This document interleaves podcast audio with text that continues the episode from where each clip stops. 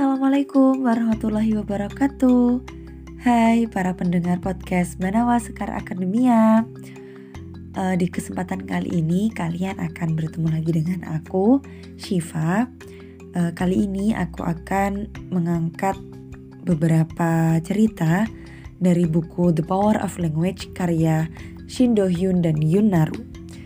Buku ini adalah buku asli Korea yang kemudian diterjemahkan ke dalam bahasa Indonesia.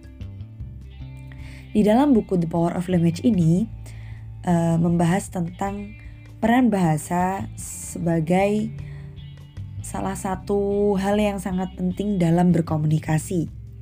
Ya, pasti dong. Oke, mungkin langsung saja kita mulai membahas isinya ya. Uh, di dalam buku The Power of Language ini ada sekitar 8 tahap orang bisa cakap dalam berkomunikasi. Nah, apa aja itu tahap-tahapnya?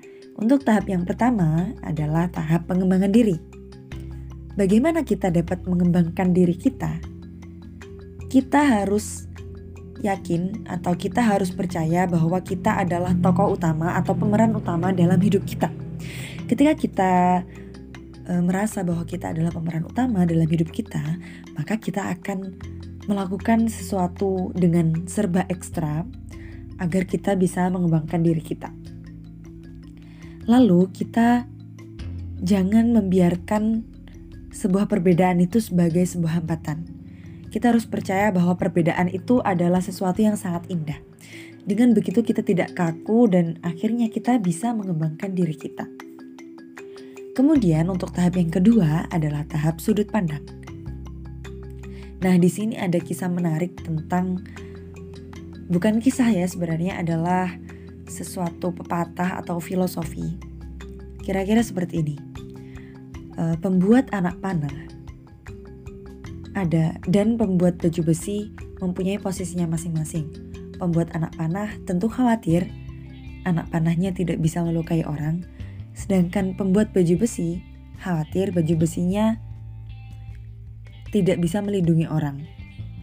Namun, dari kalimat tersebut tidak bisa dipastikan bahwa si pembuat anak panah ini lebih jahat dari si pembuat baju besi.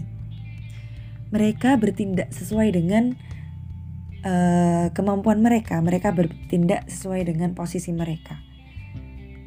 Dan itu adalah merupakan sebuah filosofi yang sangat besar menurut saya karena kira-kira seperti ini.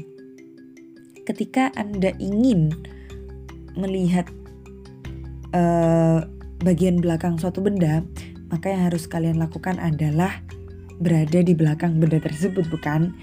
Ketika kalian hanya melihat dari depan, ya kalian tidak bisa um, menyimpulkan apa itu yang berada di belakang benda tersebut, gitu. Dengan mengetahui sudut pandang segala sesuatu, kita bisa menjadi seseorang yang lebih bijak dan tentunya kita akan uh, mengeluarkan ucapan-ucapan yang lebih valid dan berbobot. Oke, mungkin langsung saja uh, kita ke tahap yang ketiga. Tahap yang ketiga yaitu adalah kecerdasan. Bagaimana kita bisa mengembangkan tingkat kecerdasan kita? Kita harus mulai membiasakan diri untuk membaca kalimat-kalimat yang sulit. Kalimat-kalimat yang sulit adalah sebuah tantangan. Mungkin uh, sekilas terasa tidak nyaman dibaca, tapi karena ketika kalian hanya membaca sesuatu yang sudah kalian pahami atau sesuatu yang sudah kalian tahu, ya kalian akan hanya mengetahui itu gitu. Kalian hanya akan mengetahui sesuatu yang berulang dan kalian tidak bisa uh, mengeksplor diri kalian. Kemudian untuk tahap yang keempat adalah tahap kreativitas. Bagaimana kita bisa menciptakan sebuah kreativitas bagaimana kita bisa lebih kreatif dari sebelumnya. Ada salah satu usaha yang ditulis dalam buku The Power of Language ini yaitu adalah dengan menulis. Kenapa? Karena dengan menulis kita bisa mengoreksi atau mengevaluasi apa yang telah kita tulis sebelum kita uh, sebarkan ke pembaca.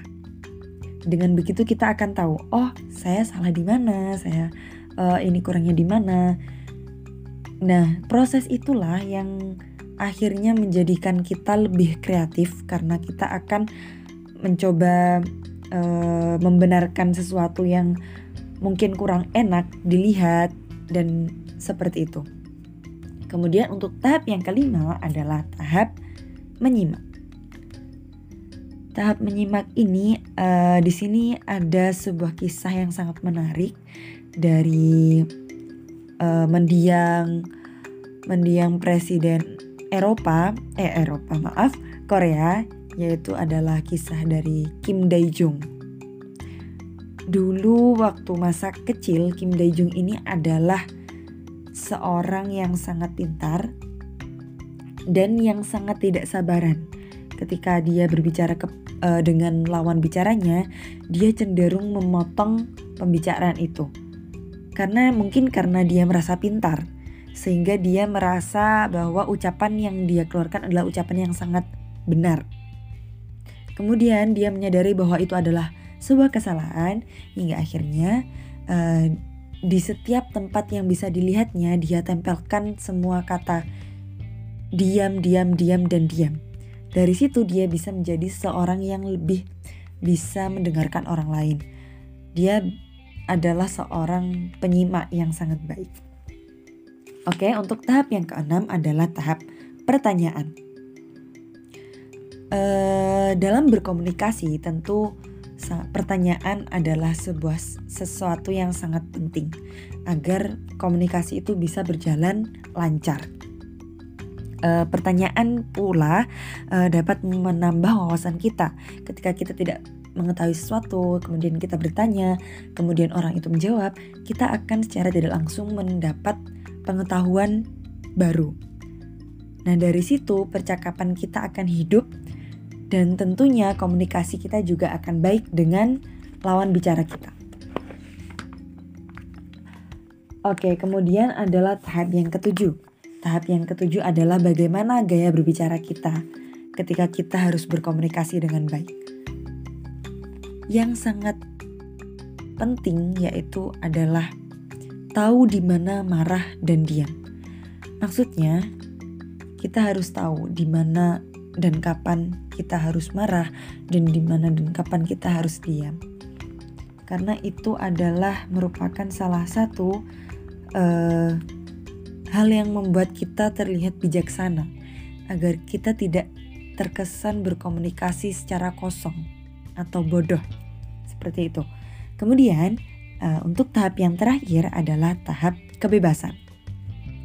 Sebenarnya kebebasan di sini tuh bukan berarti kita tidak mengetahui um, uh, maaf uh, bukan berarti kita tidak mempunyai aturan dalam diri kita.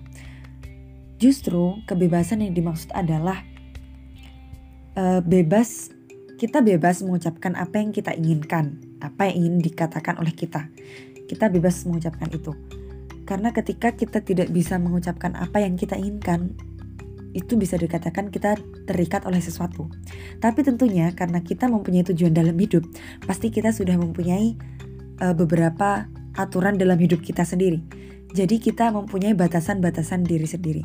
Dari situ kita boleh mengucapkan apa yang ingin kita katakan, tetapi kita juga harus tetap uh, mempunyai batasan terhadap diri kita sendiri.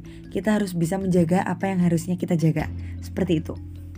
Nah, mungkin uh, dari sini kalian bisa menangkap sedikit demi sedikit apa inti dari pembicaraan kali ini yaitu tentang kecakapan dalam berkomunikasi. Dari kedelapan tahap itu, uh, aku berharap semoga bisa uh, menjadikan kalian lebih uh, apa ya istilahnya lebih tahu bagaimana kalian harus melakukan tahap-tahap itu untuk menjadikan komunikasi dengan baik. Sekian dari aku, Shiva. Eh, terima kasih atas uh, luang luangan waktunya. Semoga kita bisa bertemu kembali. Wassalamualaikum warahmatullahi wabarakatuh.